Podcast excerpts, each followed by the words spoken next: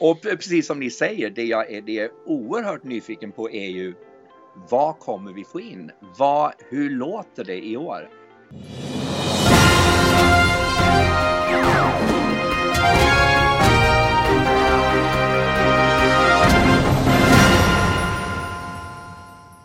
Hej och välkomna till ännu en podcast med slagerprofilerna. Vi eh, vägrar ju släppa det här med att slageråret 2016 är över och att vi egentligen borde blicka mot 2017. Men idag tänkte vi att vi faktiskt skulle både titta lite bakåt och kanske titta lite framåt. Och vi är ju såklart jag och Ronny. Hej Ronny! Hej Ken! Där är du igen! ja, jag försöker släppa det här slageråret så mycket jag bara kan, men du ska dra mig in i den här bubblan ständigt. Men det är härligt att hålla på och prata om det här. Det här kan vi hålla på med tills skorna kommer hem. Jag tänkte det. Nej, men det är väl lite kul. Annars brukar den här perioden vara så död emellan. Men nu kör vi på lite, tycker jag. Ja, gud ja. Det är bara härligt. Och det är inte bara du och jag som vanligt, utan vi har ju en gäst. Och idag har vi någon som kanske inte behöver speciellt mycket presentation. Eh, Mr Melodifestivalen himself faktiskt. Christer Björkman, hej! Hej! Gud vad kul att du är med. Ja, jag tror det. det vet vi först efteråt. Ja. Jag måste bara fråga, har du, har du kunnat släppa det här nu? Har du, har du lämnat liksom 2016 och blickar mot 2017 eller är du fortfarande fast i någon sorts efterspel på Eurovision och Melodifestivalen? Ja, det är lite både och faktiskt. Eh, det är ju ett... För det första är man ju fullständigt slut efter en Eurovision. Det var, det var ju inget nytt, det vet man om sen förra gången. Eh, och det är både fysiskt och mentalt så att första veckan så, så gick jag nästan inte ur sängen överhuvudtaget. Jag var förkyld, dålig, astrött. Så jag, framåt torsdagen tror jag att jag hasade mig ut på min terrass lite grann. Men första fyra dygnen låg jag bara och sen är det ju en, en resa att ta sig ur det här tomrummet. Det är verkligen ett stort svart hål bara eh, av tomhet. Eh, och så pockar ju eh, Annette Helenius som då är projektledare för, för Melodifestivalen. Hon, hon är ju där hela tiden och petar och ringer och vill ha möten om 17. Så, så sakta, sakta, sakta liksom tvingas man in i nästa år. Um, så det är, det är någon, jag är i någon slags mittemellanläge. Jag är, inte, jag, jag är ganska mycket ur det där tomrummet, det måste jag säga. Det, och nu kan jag faktiskt börja ta in att det faktiskt Eh, gick väldigt bra och, och i, i, takt med att jag också kommer ikapp i min mail så ser jag ju liksom allt det här som vi får tillbaks. Alltså eh, att folk har varit otroligt nöjda med vad vi har gjort med jobbet, allt ifrån nummer till programmen till hur det har varit på stan och eh, alltså Stockholm får ju jättemycket beröm också. Så att, ja, det, det, jo, jag börjar närma mig 17. Alltså vi, vi pratade ju med Edvard i förra podcasten ganska mycket om programmet och den enorma respons som han har fått. Jag antar att du, du har märkt den också, att det, det här är ju mycket, mycket större nästan än 2013. Alltså hur, hur svenskarna på något sätt går runt med en stolthet över det ni gjorde. Och sådär. Mm. Känner du också den, mm. liksom, en, annan, en annan vibe än efter 2013? Eh, ja, den, är helt, den är helt annorlunda också beroende på att vi gjorde något helt annat den här gången. Eh, för, förra gången var ju väldigt mycket ett medvetet val att inte jaga eh, det där berömmet för hur framåtskridande vi var utan vi gjorde ju ett väldigt medvetet val att faktiskt backa tillbaka, ta tillbaka grundvärderingar i programmet, att plocka ner det till någonting som var mycket närmare artisten. För vi tyckte att det hade blivit bara en jakt på att göra det största och bästa Eurovision hela tiden, rent tekniskt. Eh, så den gången fick vi ju den typen av beröm och det är inte lika mycket slå sig för bröstet beröm som det här är som vi gjorde i år. Eh, så det, det, det är lite sådär ja och nej. Eh, jag kan nog tycka att det var väl så fint att faktiskt göra den där resan. Att tillbaka och plocka tillbaka grundvärderingar, hitta tillbaka till artisten eh, och få beröm för det, för de som såg det. Men det är klart, det här är mycket, mycket mer uppenbart när man bara öser på och gör något väldigt utvecklande och med framåtrörelse och dessutom den förändring som vi gjorde den här gången med röstningssystemet blir ju väldigt, väldigt tydlig såklart. Ja, det var... Om vi backar tillbaka till, till Måns vinst i, i Wien. Vad var din första känsla när, vi hade, när Måns hade vunnit? Vad, vad tänkte du då? tänker man då så här, åh, inte nu igen, eller var det enbart glädje? Det, det, var ju väldigt dubbelt. Det var ju, först var det ju armarna rakt upp i luften och man bara skrek ja och sen drogs de sakta neråt. Nej! Helvete! Där rök den här sommaren. Uh, så det var väl det första att jag, jag insåg att fan, där rök sommaren igen. Uh, för så är det ju. uh, och så det, det, är klart att det är, men, men även om den är dubbel så är den där dubbel, det, det dubbla är väldigt på ytan. Det är verkligen bara sådär av rent egoistiska skäl att fan, där sprack semestern och alltihop. Och sen så kavlade man upp och så åkte man hem och satte sig i styrelserummet på SVT och nötte med de här sex eller fem städerna som, alltså det är skitkul. Det är det roliga som finns, så att nej, det är kul. Vad, vad är du mest nöjd med? Bara så här, den grejen blev absolut bäst. I, oh, bara en? Ja. Um, vad svårt. um, ja, alltså jag måste få ta två. Mm. Därför att den ena är den här uppenbara, synliga, slå sig för bröstet-grejen och det är ju givetvis röstningssystemet, eh, alltså röstavlämningen. Eh, som kommer att finnas kvar och som kommer vara ett, ett väldigt stort eh, arv efter vår era så att säga, att vi genomförde det där. Mm. Det är ju det uppenbara. Men, men inåt så, så gjorde vi en väldigt stor förändring i i arbetssättet internt, alltså bakom kulisserna, som jag är jättestolt över. Och det är att vi, att vi bytte på något sätt fokus från att vi är värdland, eh, vi gör vår show till att faktiskt göra som vi gör i Mello, att vi skapade ett, ett contest, alltså tävlingskontor där man fram till sista sändningsminuten faktiskt kunde komma och framföra saker som man inte var nöjd med och bilder man ville justera och alltså den där typen av service som jag tycker att man ska ha som artist och som land. Eh, att man faktiskt, att vi nöter ända in i kaklet. Vi, vi är inte nöjda bara för att vi har varit i viewing room två gånger utan vi är nöjda först när vi tycker att vi har uppnått det vi vill. Eh, och, och det där brukar vara väldigt, väldigt svårt. Eh, det är okej okay under, under själva repveckan men sen så har den här produktionen alltid bara stängt sig och låst sig och sen, sen når man inte dem. Liksom. Sen är det liksom, får man dra och nöta och man får liksom utnyttja kontakter för att nå fram med önskemål och jag blir bara så här, men det är ju inte rätt. Det är liksom, vi, det är ju, alla länder är ju på ett sätt co-producers i den här showen. Eh, och då ska man hantera det så. Det, och det är jag väldigt glad över att det landade väldigt rätt och att alla var oerhört lyckliga över det. Var det något land som var, väldigt, som var speciellt krävande? Ja, det är det ju alltid. Och det, det är det alltid. Men, men oftast beror det på... Några är det ju per, per definition. Alltså de är det i sin karaktär. Mm. Det börjar alltid med att de bara ångar på. Eh, och, och, så får man tala om för dem, men hallå, lugna ner er nu. Eh, vi löser det här ihop, men, men bete er som folk ska. Liksom. Inte, inte kom här och bara domdera. De finns alltid, men sen finns det alltid några som är så här, det bara blir så. Därför att någonting går fel från början och sen ta mig fan fortsätter det gå fel hela tiden. Det går liksom troll i numret. Och vi hade några sådana i år så att det var liksom bara, man satt nästan och höll andan under sändningen. Bara det håller nu, bara det funkar, bara det funkar, ja. Åh, oh, vad nyfiken man blir. Du kan inte avslöja någon sådär. Så man kan tänka lite som att vi var sådana i Düsseldorf med den där buren. Glasburen. Ja, det var, men precis. Vi var sån, det var vi i Düsseldorf. Det var verkligen så. När, när ingenting fungerar på något enda rep och man bara sitter och håller andan och ska det funka, ska det inte funka liksom.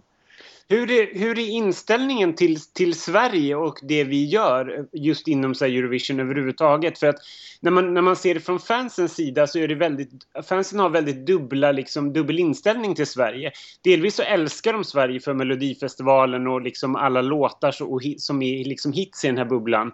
Mm. Men del, delvis så hatar de Sverige också just för att det går så bra för oss och för att vi ligger så i framkant jämfört med allting annat. Hur är det ja. liksom bakom kulisserna? Uh, det, där, det där är någonting som faktiskt bara existerar i fanvärlden och den är ju så besynnerlig där att den faktiskt är dubbel. Uh, och jag, jag lär mig aldrig att förstå det riktigt. Uh, och jag förstår inte mekanismerna bakom det heller riktigt. nej, länderna är odelat väldigt positiva. De, har, de känner en väldig trygghet när de är här. de känner att vi eh, på riktigt älskar det här och gör allt vi kan för dem. Eh, det betyder också att de ställer väldigt höga krav. Mm. Eh, och det tycker jag är okej, okay, eh, för det ska man kunna göra. Eh, vi ska liksom inte behöva misslyckas eh, eftersom vi väldigt sällan gör det i vår egen tävling så tycker de att varför skulle ni då misslyckas med oss? Så de ställer väldigt höga krav men, men det är odelat respektfullt måste jag säga. De, de har en oerhörd respekt för Melodifestivalen och de har en väldig respekt för vårt tv-kundande. Och, och vår outtröttlighet. Så, så, men en sak som vi pratade lite med Edvard också, som, jag, som där du också kom upp. Tror du att, att vi gör det här så bra för att det styrs av människor som har en extremt lång kärlekshistoria med programmet? Alltså du och Edvard och, och många. Att ni, för att, till exempel om vi tar en grej som har blivit jätte, jätte eh, hyllad, förutom utanför programmet, som är ju ganska smalt för någon som inte var i Stockholm, så är det ju Euroclub. Och där var, du, ja. där var ju du med på ett väldigt tidigt skede, och vi då för övrigt, och och, och, och, satte det där just ur liksom, att, att det var en viktig del. Och det kan jag tänka mig att det kanske inte är i alla länder man kommer till att det är det första de börjar tänka på Euroclub. Liksom. Det syns ju inte i rutan och så vidare. Nej, men, det, men du har helt rätt. Alltså det är eh, det var också den fördelen vi hade av att få göra det så tätt inpå. Det var bara tre år emellan och evenemanget ser i princip likadant ut. Det är ungefär samma storlek på det och det, det har liksom inte hänt så mycket i tid som har förändrats. Så vi kunde använda oss av den erfarenheten och vi visste ju det att, och vet ju det som, som fans så att säga att det är en oerhört viktig del att vårda fansen. För de är en väldigt stor del av bärarna av det här arvet. Eh, och det var, för mig var det fullständigt självklart att sätta ihop den där gruppen och säga till dem från Stockholm som ansvariga att vi måste ha med fansen i det här. Eh, för de vet exakt, de vet mycket bättre än jag Eh, hur det ska vara och hur det borde vara. Och framförallt, de ska få vara där, alla fansen. Eh, det, det, visste vi ju redan från Malmö då, men, men det var ju eh, senast förra året så var ju inte fansen välkomna. Vilket gjorde att den Euroklubben i Wien, den bara dog ju. Mm. Nej, det var, ja, det var ju verkligen toppen. Det blev ju så otroligt lyckat också. Det blev, det blev verkligen en, en samlingspunkt och jag tror att, att, det var kul att se att det var lite artister där också, för det var ju inte heller så speciellt mycket i Wien. Eh, att folk gick dit. De tryckte mest på hotellrummen då. Ja, men man lärde sig väldigt fort här att, och vi spred ju det också inifrån att säga att ja, men vet ni vad, ni, ni har en egen hylla där, ni kan vara där, det är liksom, det är coolt. Mm. Eh, så att jag tror att vi fick ut det budskapet ganska bra.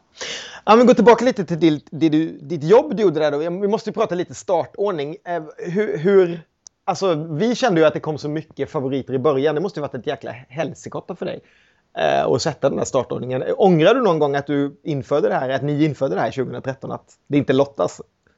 Nej, alltså tvärtom. Jag, jag har framfört istället och sagt så här, vet du vad? Om, så länge det bara är någon som verkligen kan, kan jobbet och kan ta ansvar för att det blir bra så ska ni ta bort all lottning. Alltså det är ingen idé att ha någon lottning för den bara begränsar. Eh, just det du var inne på nu, det var ju inte bara det att det var flera favoriter som hamnade på första halvan i finalen. Det var ju dessutom väldigt likartade i mm. temperament. Så det var ju flera, alltså de lugna låtarna just hamnade ju där. Vilket gjorde att det var, det var jättesvårt för dem egentligen att märkas eh, eftersom andra halvan var überbombastisk. Det bara pågick ju, det bara smattrade ju på. Och det gjorde att de också hade svårt att märkas bland varandra. Alltså, vitsen är att du ska blanda olika temperament så att det hela tiden händer något nytt. Så att du hela tiden känner, ah nu kom det något annat, vad härligt. Eh, så att den blev ju en jättebegränsning det här med första och andra halvan. Eh, när jag skulle sätta finalstartfältet. Mm. Eh, men, men på det stora hela var det ju ändå en, en, en ynnest i år att få göra startordningar för det fanns ju material att göra det av. 13 var ju mycket svårare när det var ett ganska mediokert år om man ska vara mm. helt mm. uppriktig. Hur blir reaktionerna när startordningen är satt? Jag kan tänka mig att för vissa länder blir det där väldigt känsligt. Att det kanske inte är så jättekul att gå ut som tvåa även om de förstår att de kanske blir tvungna. Får du, får du några reaktioner från delegationerna på, på, det, på när du har satt startnumren? Uh, ja, det var faktiskt den enda vi fick. uh, och, det var från Tjeckien då. Okay. Uh, men, men då fick vi gå tillbaka och beskriva Eh, Eh, för eh, det laget exakt vad den här halvan, hur den såg ut. Vi fick påvisa att det fanns, eh, av 13 så fanns det hälften lugna låtar. De var vi tvungna att hålla isär. Och sen visade vi på eh, olika färguttryck, olika grafiska uttryck. Och när vi hade gjort det så förstod de eh, varför de var omgivna av de två låtar de var. För det är det det handlar om. Det, är inte, det, är inte, det handlar inte så mycket om vad, själv, vad den egna låten handlar utan det handlar om vad har, de, vad har du runt omkring dig? Mm. Vad är det runt omkring som får din låt att se vacker ut eller se häftig ut eller bra ut, vilket det nu är den har. Eh, och i det här fallet var det väldigt, väldigt tydligt att den stack ut i mitten av de här två och fick, för den var ju väldigt vacker, den var ju väldigt vacker iscensatt, det var vacker grafik och det var framförallt var den väldigt färgstark. Eh, och, eh, så att, och då, då var det lugnt, och då köpte de det. Och så visade jag till exempel om den hade legat mellan två andra där Italien låg, så där hade den inte märkts alls lika väl. Eh, och, det, och det är så, man måste, man måste bara kunna motivera. Mm. Hur, hur mycket spelar in vad de har, hur de har placerat sig i semifinal, alltså när de har röstats fram från semifinalen? Om de har kommit in som tionde låt till exempel, eller om de har kommit in som andra låt? Det spelar in. Mm. Allt spelar in. Mm. För det är väl svårt också, för det kan, inte, det kan ni inte avslöja antar jag? Nej. Och det är egentligen, det är ett argument egentligen bara om, om man behöver ta till det. Okej. Okay. Mm. Eh, men, men i första hand handlar det ju om att göra resan för tittaren så behaglig som möjligt och så intressant som möjligt. Och blir den intressant hela vägen, då blir det bra för låtarna också. Mm. Det var väldigt intressant om man ser på resultatet i år. Eh, det går inte att peka ut något. Så för jag menar, Belgien gick ju jättebra som gick ut först. Tjeckien gick ju faktiskt inte alls som gick ut tvåa. Men sen kom det ett helt kluster av hög. Alltså Frankrike, Sverige, Bulgarien. Alla de låg ju väldigt tidigt. Eh, ja. Relativt sett och sådär. Och så, att, så att det kändes lite som att numera så betyder inte startordningen så mycket som det gjorde bara för några år sedan. Eh, Nej, och det, är ju, och det är ju den vinsten du får med att kunna sätta en bra startordning. Att ja. låtarna faktiskt syns. Uh, och det, men det hade ändå varit eh, skönare om det hade varit helt fritt för då hade man kunnat sprida ut några av de här lugna och lagt på andra halvan för att få ännu mer dynamik i programmet. Mm. Hade man vågat lägga en, en riktig vinnarkandidat som startnummer ett? Ja, jag, alltså jag tycker att startnummer ett är bra, om du är bra. Mm. Vilket jag tycker att Belgien bevisade. Ja, det var ju en perfekt öppning faktiskt. Den, eh, det känns ju lite som att den tjänade lite på att slå i början. Ja men absolut. Eh, och det fanns på första halvan fanns det två alternativ. Det ena var Bulgarien och det andra var Belgien. Mm. Som hade den typen av energi som man vill ha i starten av programmet. Eh, och då var, var valet var väl egentligen att Belgien var lite bredare i sitt anslag. Så att fler eh, av de här drygt 200 miljoner människorna skulle kunna ta till sig den lättare. Eh, Bulgarien är lite smalare men, men coolare kanske. Mm. Jag kan tänka mig att det är lättare också att lägga någon först som man har lagt sist i en semi. Alltså det är lite så här, ni fick faktiskt gå ut sist där, hallå ta den här nu. Ja, ja precis. Eh, men, men också för att den har en typisk start eller stoppenergi. Det är en perfekt avslutnings eller startlåt för att den, de fångar upp liksom så många energier som finns i det här programmet. Mm. och bredden. Under hela våren har ju tillkommit nya låtar och liksom länder utser sina kandidater. Håller du koll på allting under tiden och så ser, ah vad kul, det här liksom. Har, har, du koll på vilka låtar som, som utses? Ja, vi tittar, vi tittar väldigt nyfiket på det. Mm. Ehm, såklart. Ehm, och ofta inte, det är inte så att man slaviskt sitter och kollar allting själv utan det kommer Alltså, hela teamet gör ju det, vi som jobbar med tävlingen. Det kan vara, ibland är det Edvard som skickar en länk, ibland är det Samuel som har hittat någon, eh, ibland är det jag. Så att det är liksom, vi gemensamt på något sätt eh, ser ju till att vi, att vi har en helhetsbild klar för oss. Sen är det ju sådär, man kan, inte, man kan inte heller fördjupa sig för mycket i dem för de byts ut med jämna mellanrum också. Det är en del försvinner ju och det blir någon annan och några länder diskas helt och ja men du vet det händer ju mycket saker på vägen. ibland blir det, och ibland blir det disco av dem. ja, och ibland blir det disco av dem också. jag, jag vågar egentligen inte riktigt fråga vad du hade för favoriter för jag vet inte om du, om du ens vågar säga sånt längre. Det är ju väldigt fokus på dig ibland när du säger saker. Ja, men, men jag har väl kommit till någon sån jag har landat i det här att jag behöver inte ha det för jag kan förhålla mig till vad de officiella eh, de här bettingsajterna säger och så får det bli någon slags eh, mall för ungefär vad, vad alla tror. Liksom. Och då, då kan man ju förhålla sig till, till något slags favoritskap. Eh, för det är, ju det, enda, det är ju det enda verktyget vi har egentligen förutom vår egen smak. Mm. Eh, och det är ett rätt bra verktyg tycker jag. För på något sätt ändå samlar det ungefär vad de flesta tycker. Eh, och det är rätt bra att förhålla sig till de där bettingsajterna tycker jag när man, när man går in i det här arbetet. Det har ju varit något snack om att det finns vissa länder som försöker, som, som verkligen går på den linjen och spelar jättemycket på sig själva för de vill få upp liksom, eh, intresset för sin, för sin låt. Men, men det, undrar om, kan det verkligen hålla igenom hela, för ofta som du säger så är det ju de låtarna som ligger i, jag menar Ryssland och Ukraina och Australien låg ju i topp på Sverige eh, när vi var i, i sista veckan och det var ju där vi hamnade också till slut. Liksom. Ja, och, och det, där är det ju faktiskt så att man ibland bara kan lägga till sin egen smak för att konstatera att nej, den där tror jag är köpt. För ibland kan det vara så ja. som du säger att man känner att nej, den där ligger så högt bara för att mm. eh, någon har bestämt sig för att den ska det. Å andra sidan, som Bulgarien, som jag hade ratat jättehögt från början, eh, den var ju aldrig uppe och petade nej. där.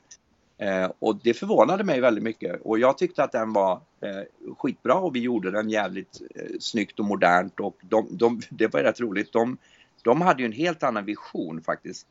Eh, och de, de hade i sin eh, brief till oss eh, träd och, och, och, berg och det var en väldigt naturnära eh, resa.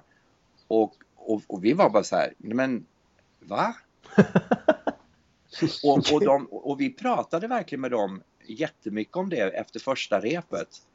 Eh, och, och, så sa vi att men alltså, vi, vi, vår upplevelse av den här låten är att det är en väldigt, väldigt modern poplåt. Och hon är ju klädd så också. Mm. Så att vi, vi, vi, vi förstår faktiskt inte vad det är ni vill åstadkomma med det. Så vi, vår, vår förhoppning är att ni ska tycka att det här är rätt väg att gå. Eh, och så köpte de det och, och var sådär förundrade i början. Eh, men, men ändå sådär, ja okej, okay, vi litar på er. Liksom. Och, vi, måste, vi måste ju prata Sveriges fantastiska placeringar de senaste åren. Alltså det har ju gått så otroligt bra ända sen, ända sen Anna Berg, efter Anna Bergendahl. Liksom. Eh, vad, vad, vad, är hemligheten egentligen? Är vi liksom inne i ett stim som, som kommer liksom att det kommer gå över? Eller hur, hur känner du liksom? Alltså, jag tror, jag tror ju att det är flera faktorer. Dels, dels är vi ett STIM. Eh, det är vi absolut. Eh, och det vet man inte hur länge det håller eller om det tar slut och det kanske det gör. Men det sammanfaller ändå med att vi på allvar tog tillbaka makten över tävlingen. Eh, vilket blev den effekten som vi faktiskt fick möjlighet att göra efter Oslo eh, Eh, när vi inte gick till final. För då, då ställdes det det kravet utifrån att för helvete gör någonting, så här kan vi inte ha det. Och det var ju då som vi eh, dels införde eh, 11 internationella jurygrupper och också att vi som, som redaktion fick ta halva makten över låtarna. Eh, och, det, och det gjorde väldigt, väldigt mycket för hur urvalsprocessen och alltså hur vi skapar de här förutsättningarna varje år. Eh, och, och de faktorerna har ju givit ett jättebra resultat. Sen kommer inte det hålla för evigt heller. Eh, men, men just nu tror jag att vi, vi har möjligheter att fortsätta med det för att eh, vi hade aldrig haft ett mer framgångsrikt kommersiellt år eh, än Mello 2016. Eh, och hela skivbranschen är ju verkligen på, på tå för att leverera bra låtar. Eh, och vi har till och med nu, vi har haft ett bolag som inte har varit speciellt intresserade men som har kavlat upp hårt i år. Och, och verkligen är, är skitsura för att de är helt utanför Spotify-listan på våren. Så, så, nu, nu är alla med. Eh, och det, det ger oss förutsättningar för att kunna fortsätta att leverera riktigt bra hits. Och det är ju det det handlar om i slutändan. Och det är ju faktiskt så att eh, även om då fansen har eh, en dubbel uppfattning om det här och som jag tror ibland kan missgynna oss eh, just för att de inte unnar oss ett bra resultat. Men de är ändå relativt få när det kommer till den här stora massan som röstar i, när vi väl kommer så långt som till finalen. Eh, då, då är de så många fler, de vanliga tittarna som faktiskt reagerar på musik så som man ska göra i den här tävlingen och inte sitter och taktiserar. Ja, alltså, det här är väl, det, här är väl det mest typiska året ever att fansen inte har någon makt egentligen över resultatet om man säger så. För det var ju, jag tror aldrig vi har skickat ett bidrag som fansen har varit så emot som, som Frans och sen som ändå lyckas. Alltså det är ju en fantastisk placering att komma femma. Det, det är ju o... Alltså jag trodde inte ens det var möjligt. Det, var, det är ju typ Azerbajdzjan som kom fyra hemma och det där var ju alltid lite... Utan, ja, det var ju alltid lite tankar om hur de kom så högt liksom. Men annars så är det ju... Jag menar, de har ju kommit sist. Förra året kom ju Österrike sist hemma liksom. Och sådär. Ja. Nej, det är svårt. Det är svårt att, att märkas och att skicka en sån låt med ett så otroligt litet uttryck som det är i den här låten. Mm. Eh, men det är så rätt. Alltså han är så ett med låten och låten är så jävla übermodern. Eh, och det märker den här publiken som sitter och tittar och det är ju coolt. Alltså jag, måste, jag är lite impad måste jag säga. Det är ju otroligt häftigt att vi kommer femma men vi har ju ändå hitten om man tittar på europeiska topplistor mm. just nu. Jag vet igår så skickade Ronny en lista till mig. Vi är tvåa i Österrike till exempel på deras alltså, officiella topplista. Ligger Frans tvåa. Vilket är ju så här, ja, vi kom femma men vi har ändå största hitten i år igen. För det ja. har vi ju haft några år nu. Ja, och, och, det är ju häftigt och det, någonstans är det ändå, talar det ändå för att vi, vi har uppnått en sån hög nivå på vår nationella tävling så att du vinner inte om du inte har en jättehit. Mm.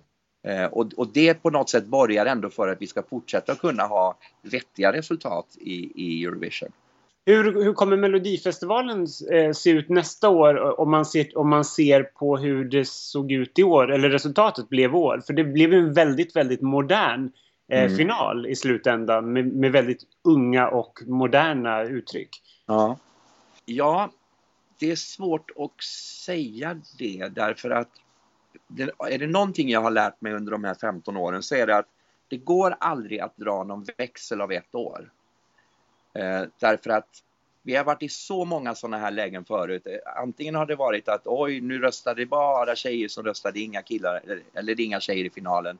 Hua, hur ska detta gå? Och så mm. året efter så ser det helt annorlunda ut.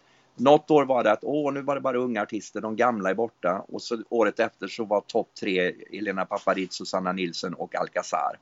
Eh, så att alltså, det, måste, det måste gå mer än ett år innan man gör något radikalt. Eh, man måste se, är det här en tillfällighet eller är det en, en, eh, en förändring som, som är säkerställd så att säga. Eh, så att man kan inte göra för mycket eh, efter ett år. Man måste vänta och se vad händer i år. Men däremot så är det ju så att vi, vi tittar ju ändå på vissa saker. Vi ska, vi ska diskutera igenom hur ska man rösta med appen till exempel. Mm. Eh, mm. Ska det vara som det är nu att man kan rösta på alla eller ska det inte vara det? Ska man kanske göra någon form av urval redan från början? Att, ja men du vet, alltså den typen av resonemang förs för att se, kan vi liksom göra det här ännu mer riktat och smartare och så vidare. Det är det ena. Eh, men när det gäller urvalet, eh, det är så här, jag har ju till exempel, det vet ju, vet ju ni sedan tidigare, att jag har ju olika fokusgrupper som jag liksom hela tiden sett till att mata mig med varje lördag vad, vad de tyckte, vilka låtar de gillade, eh, om de röstade. Och det här är ju då i regel människor som är eh, typ från säga, 40 till 60. För det är de som, är, som för mig är intressantast att ha koll på. Vi, vi vet att vi har de unga, liksom. de, de, de är med oss. Liksom. Eh, och det visar ju sig att de tycker ju exakt så som det blev. Eh, det är inte en åldersfråga, det är en smakfråga. Eh, och vi har på något sätt flyttat vår publiks, alltså kollektiva publikens smak eh, framåt. Och det där går lite i vågor. Ibland, går, ibland är det lite motstånd och sen plötsligt så bara släpper det.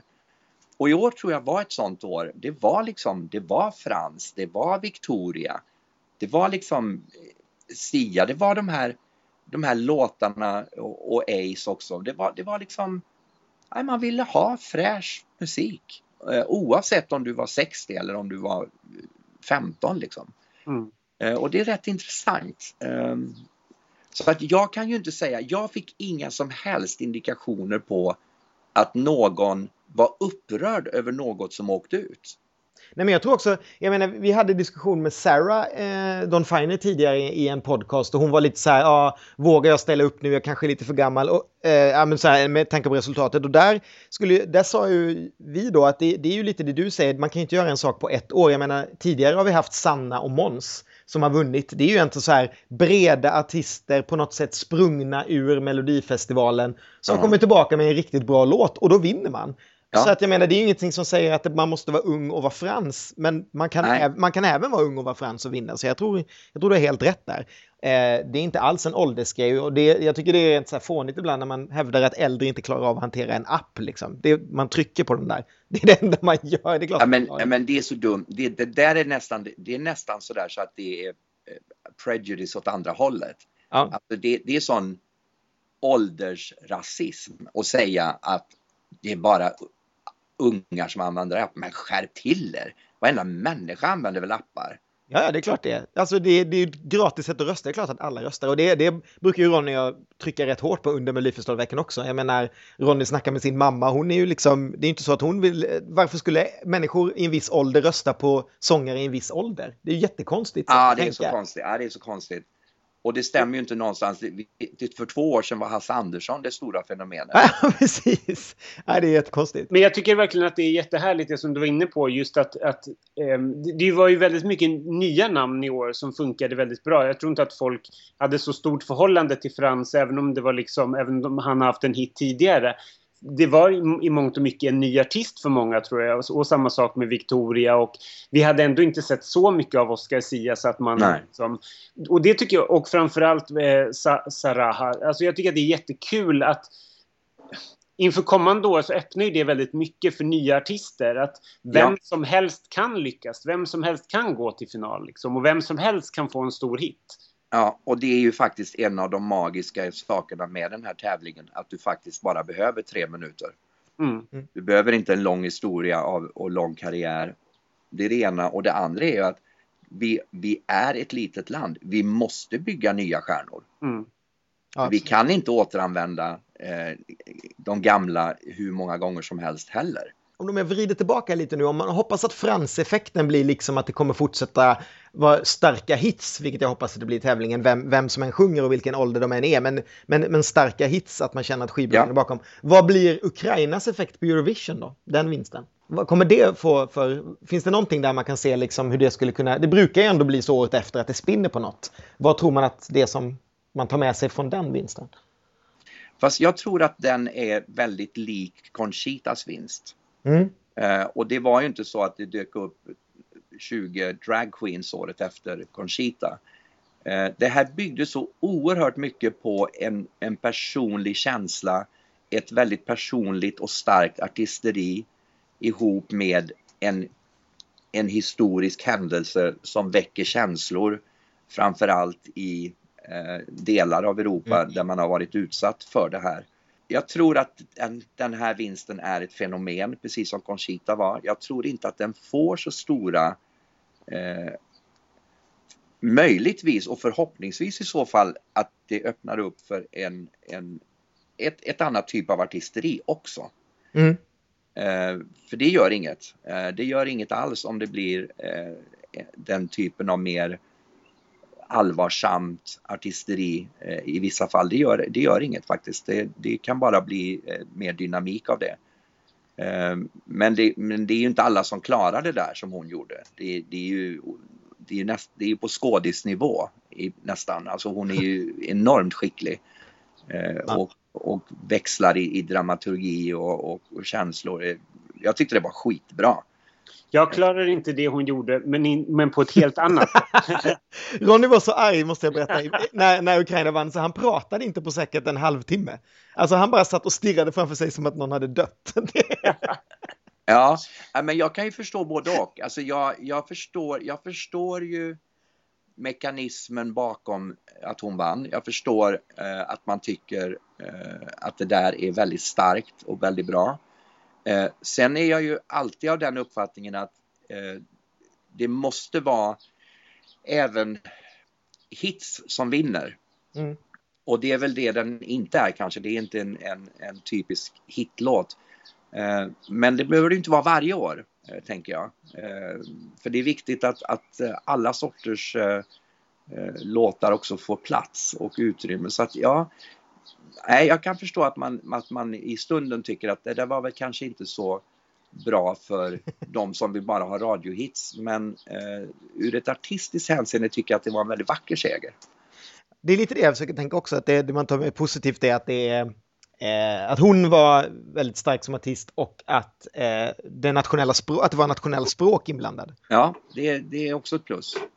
För det tycker jag var kul både med henne och med, framförallt med Bulgarien, att man lyckas ändå, att även om det var en rad, så är det ju ändå en modern grej som ändå har en flär av Eurovision i sig. Alltså det här härliga eh, alltså att det är någonting som kanske inte riktigt är som allt det andra vi hör i, i världen eh, på listor och sådär. Det tycker jag är rätt härligt med just Bulgarien, kanske ännu ja. mer. Men...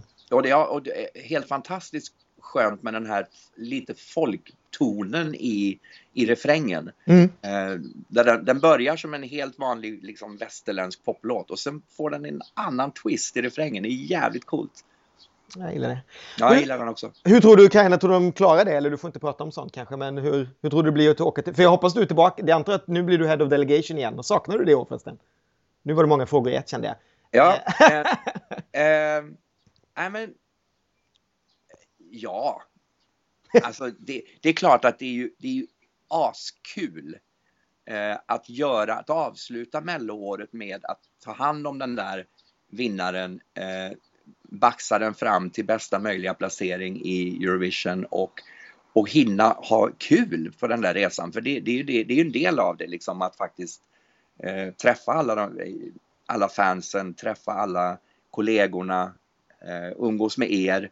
Eh, vi, vi, får ju också ett helt annat förhållningssätt till, till media, eh, vår egen media under Eurovision mot vad vi har under melloperioden. För vi, vi blir ju lite mer kompisar än vad vi mm. är under Mello. Liksom.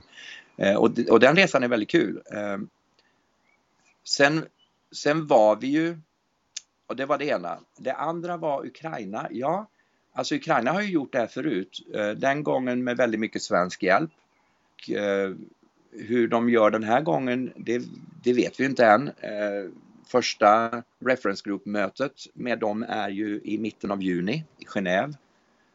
Och då kommer vi väl få någon slags indikation på hur de tänker göra. Vad vi vet är att det är väldigt många som har kontaktat dem från runt om i Europa, hugade spekulanter som vill hjälpa till. Mm. Och så blir det ju eh, varje gång som det är ett, eh, jag ska säga, ett, ett, ett, ett, land som inte har traditionellt eh,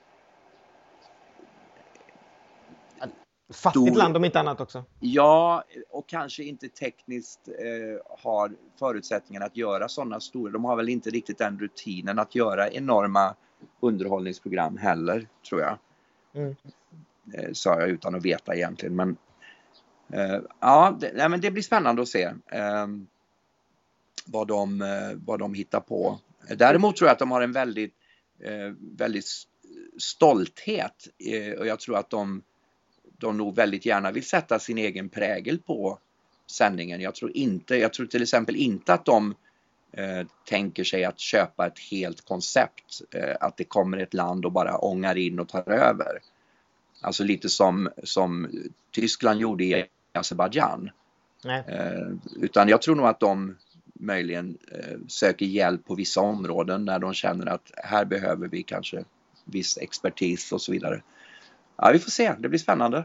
Ukraina har ju, har ju ändå vunnit tidigare och de senaste åren så har det ju varit flera länder som har liksom vunnit igen. Alltså det har gått liksom i, i cykler på något sätt. Att Sverige och Danmark och så här. Men hur, eh, hur viktigt är det att det kommer in ett nytt land, helt nytt land som vinner till exempel? Vi brukar alltid prata om att vi gärna vill åka liksom till eh, till Ungern eller till eh, Frankrike, Frankrike eller Spanien, även om de har vunnit tidigare, men så var det så extremt länge sedan. Hur viktigt skulle det vara att, liksom, att Eurovision hamnade i ett land som det inte har varit i på typ över 30 år, eller, eller ens överhuvudtaget?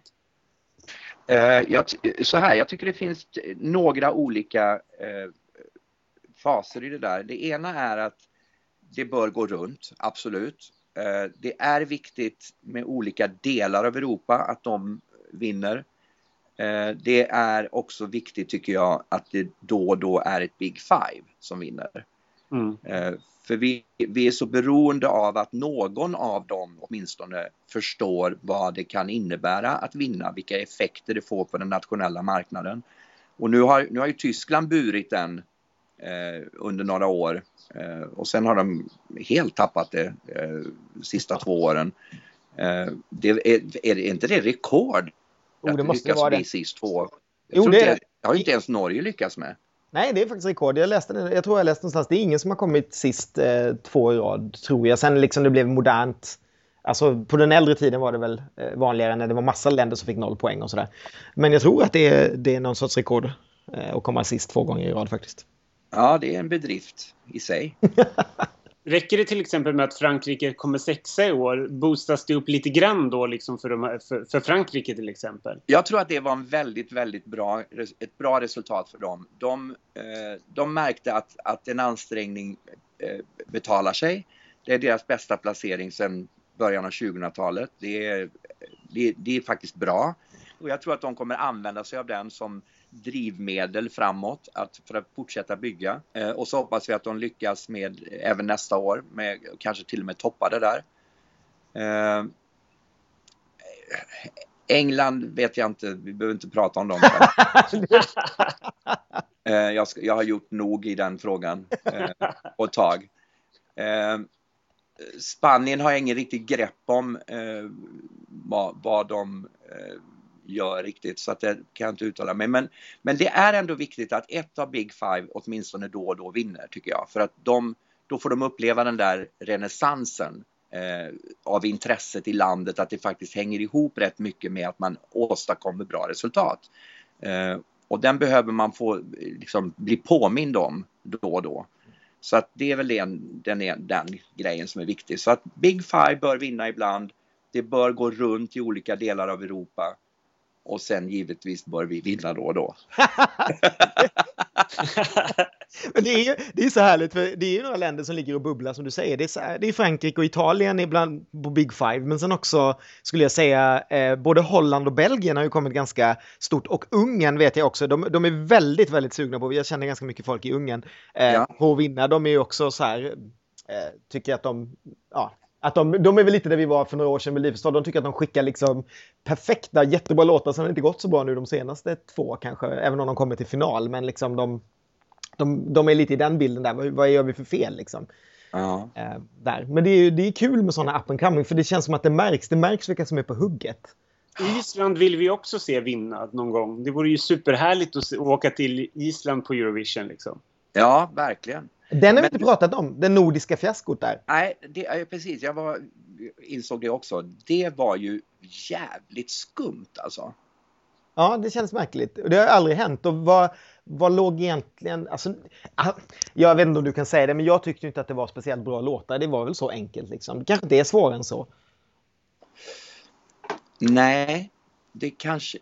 Alltså jag, jag tänkte sagt det på Ungern. Vad jag, tror, vad jag tror är problemet när man tycker att man ligger rätt. Och det är när du lägger dig rätt utifrån det som var In. året innan. Ja, mm, precis. Eh, alltså det går ju aldrig riktigt att göra det. Du måste vara liksom steget före där.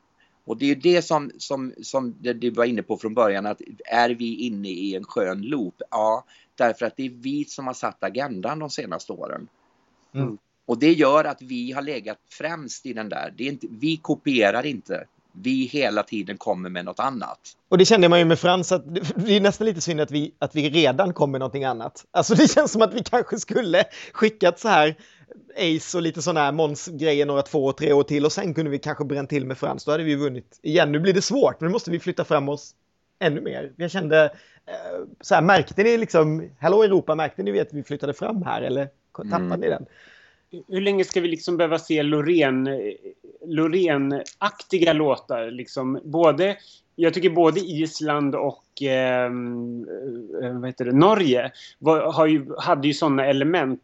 Antingen i framträdandet eller också i låten. Och det, Ja. det blir ju väldigt så här, vi har sett det här och ingen kan göra det bättre än, än Loreen faktiskt. Alltså det, Nej. kan ju inte bli större och bättre än så.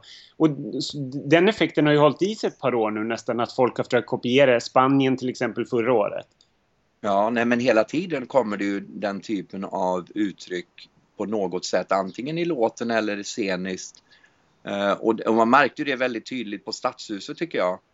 Eh, när, eh, när Loreen gjorde entré. Alltså hon har ju en stor respekt i de här kretsarna. Alltså man, man, man verkligen ser ju upp till henne som, som artist.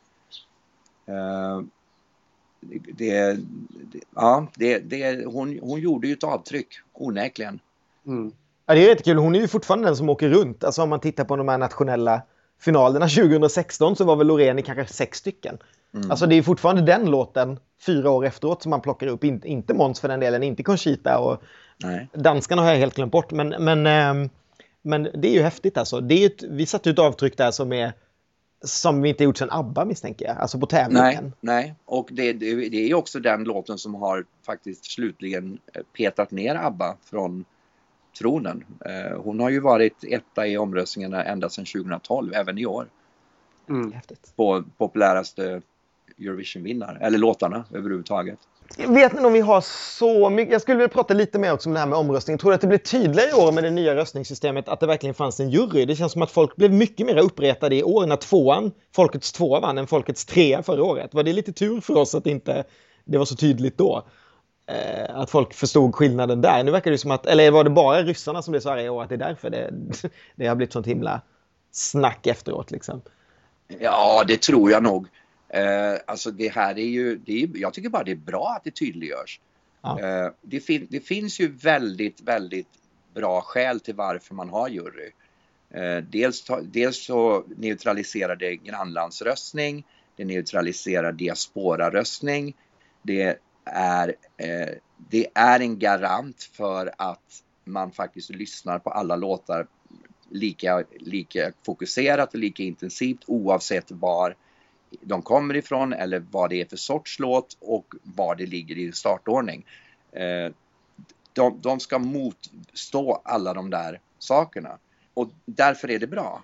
Eh, men det är klart att det blir, det blir, det blir väldigt upprört eh, i alla fall i stunden när, när då inte folket tycker exakt lika som, Juryn. som juryn. Ja. Eh, det, det är ganska klart. Eh, och så är det ju även hemma. Alltså så är det ju även i, i Mello när, när det händer. Men det blir väldigt bra tv. Det blir väldigt bra TV och framförallt om man slår ut över några år så brukar det där jämna ut sig. Det brukar ju oftast vara så att det är samma.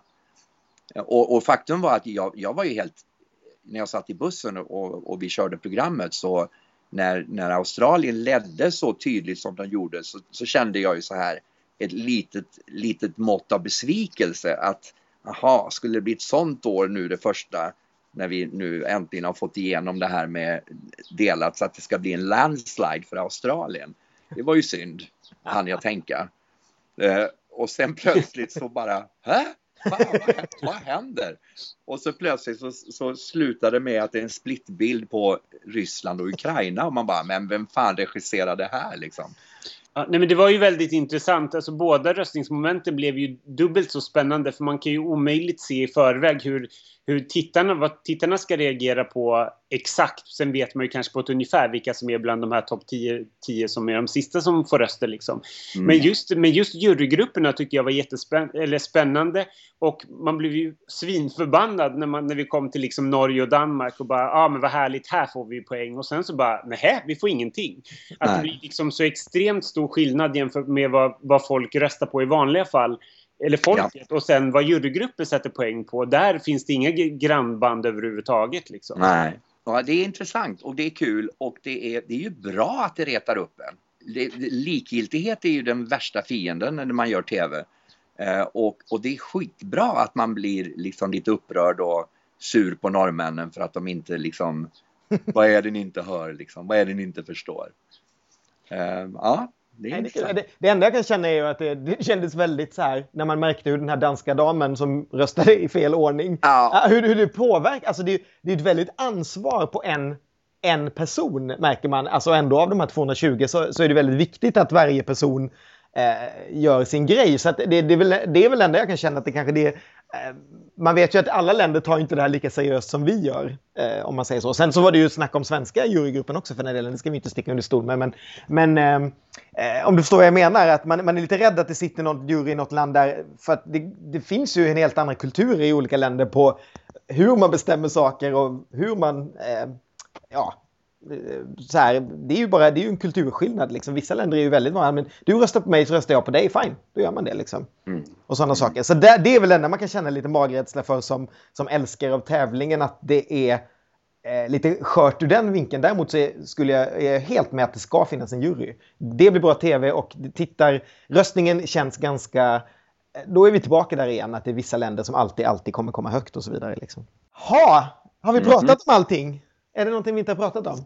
Jag vill, jag, vill, jag vill bara prata lite mer om Melodifestivalen nästa år. Jag liksom, du var inne på det i början just att känner, känner du en så här jättestor pepp inför nästa år och bara gud vad kul det ska bli att sätta igång med det här och, och när sätter du igång på riktigt med det? Alltså, vi är ju igång eh, med flera frågor. Känner jag pepp? Ja, det är ju dubbelt. Eh, jag känner ju pepp, men jag vet också att det är, det är en, en ganska svår resa att göra eh, Mello året efter Eurovision. Eh, därför att vi, eh, det, det är sån gigantisk skillnad på produktionsresurser. Mm. Eh, så att vi, vi, vi har ju någon slags, vår sista minnesbild är ju liksom den här fantastiska scenen med 35 meter djup och 3000 lampor och alltså och jag kommer ihåg, eh, det råkade vara så förra gången att vi faktiskt var deltävling 1 i Malmö eh, året efter vi hade haft Eurovision där och jag kommer ihåg när jag slog upp dörrarna och gick in i arenan och det bara gapade tomt där inne. och, och jag, jag skriver direkt ett sms ner till Jönsson som står mitt på golvet i en liten folla och bara säger men hallå, har du inte, ska du inte hänga upp någonting i år? Och han bara håll käft. och, och du vet, och det, det, är sån, det är sån jätteskillnad eh, i allting. Så att det, man vet ju det att det, det tar ju någon vecka innan man liksom anpassar sig till den här nivån igen. Eh, och och ja, men det är bra för att vara en, en nationell tävling liksom. Så, men, men absolut, det, det, det är ju liksom, det är skitkul och vi håller på med, vi har redan dragit igång scenografiarbete.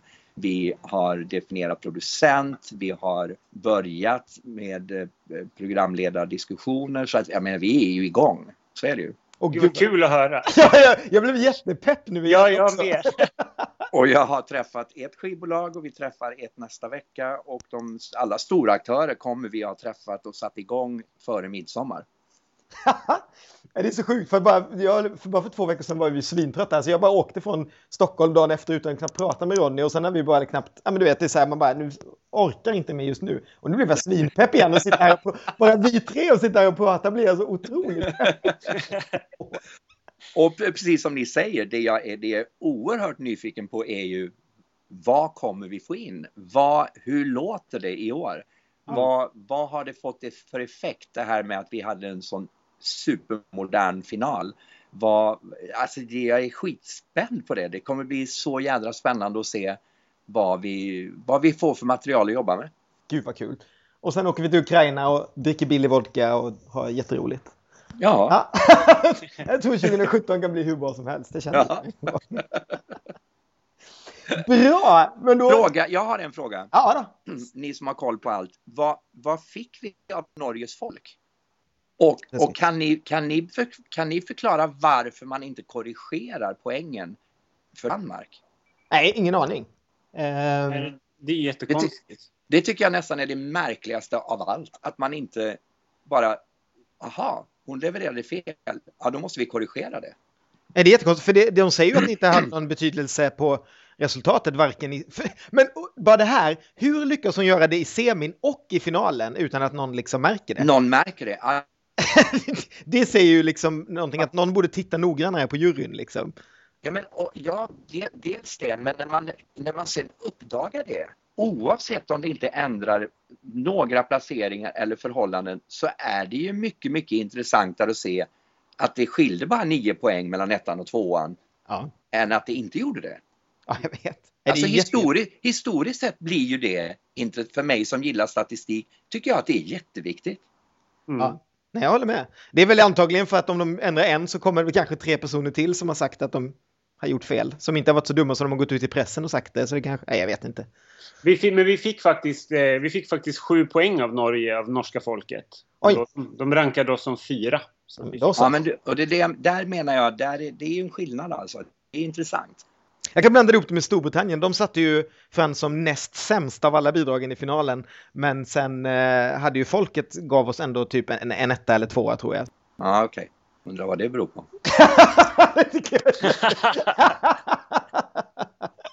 Ja, ett poäng fick vi i alla fall från folket i Storbritannien. Ja, det du ser, det är bra. Storbritannien hade å andra sidan, den enda låten de tyckte var sämre än Friends var Lisa Ajax etta Azerbaijan. Nej, men det är ju verkligen så konstigt med Storbritannien. 24, 25, 25, 23 och 9 har de rankat oss liksom. Det är verkligen så uselt. Det var en kille där som inte, hade, som inte gillade Terry Wogan tydligen. Som inte hade lyssnat på Kiss. Men eh, då tänker jag att vi var klara. Vi ses ju allihopa till, eh, till vintern. När vi Ja, ska, det gör vi. När vi ska hänga igång igen och dra igång 2017 som vi precis har pratat om då. Eh, ha en fin sommar. Ja, det ska, det ska jag ha. Och, och ni också. Tack så mycket. Så hörs vi. Hej då! Ja. hej. Hej. hej.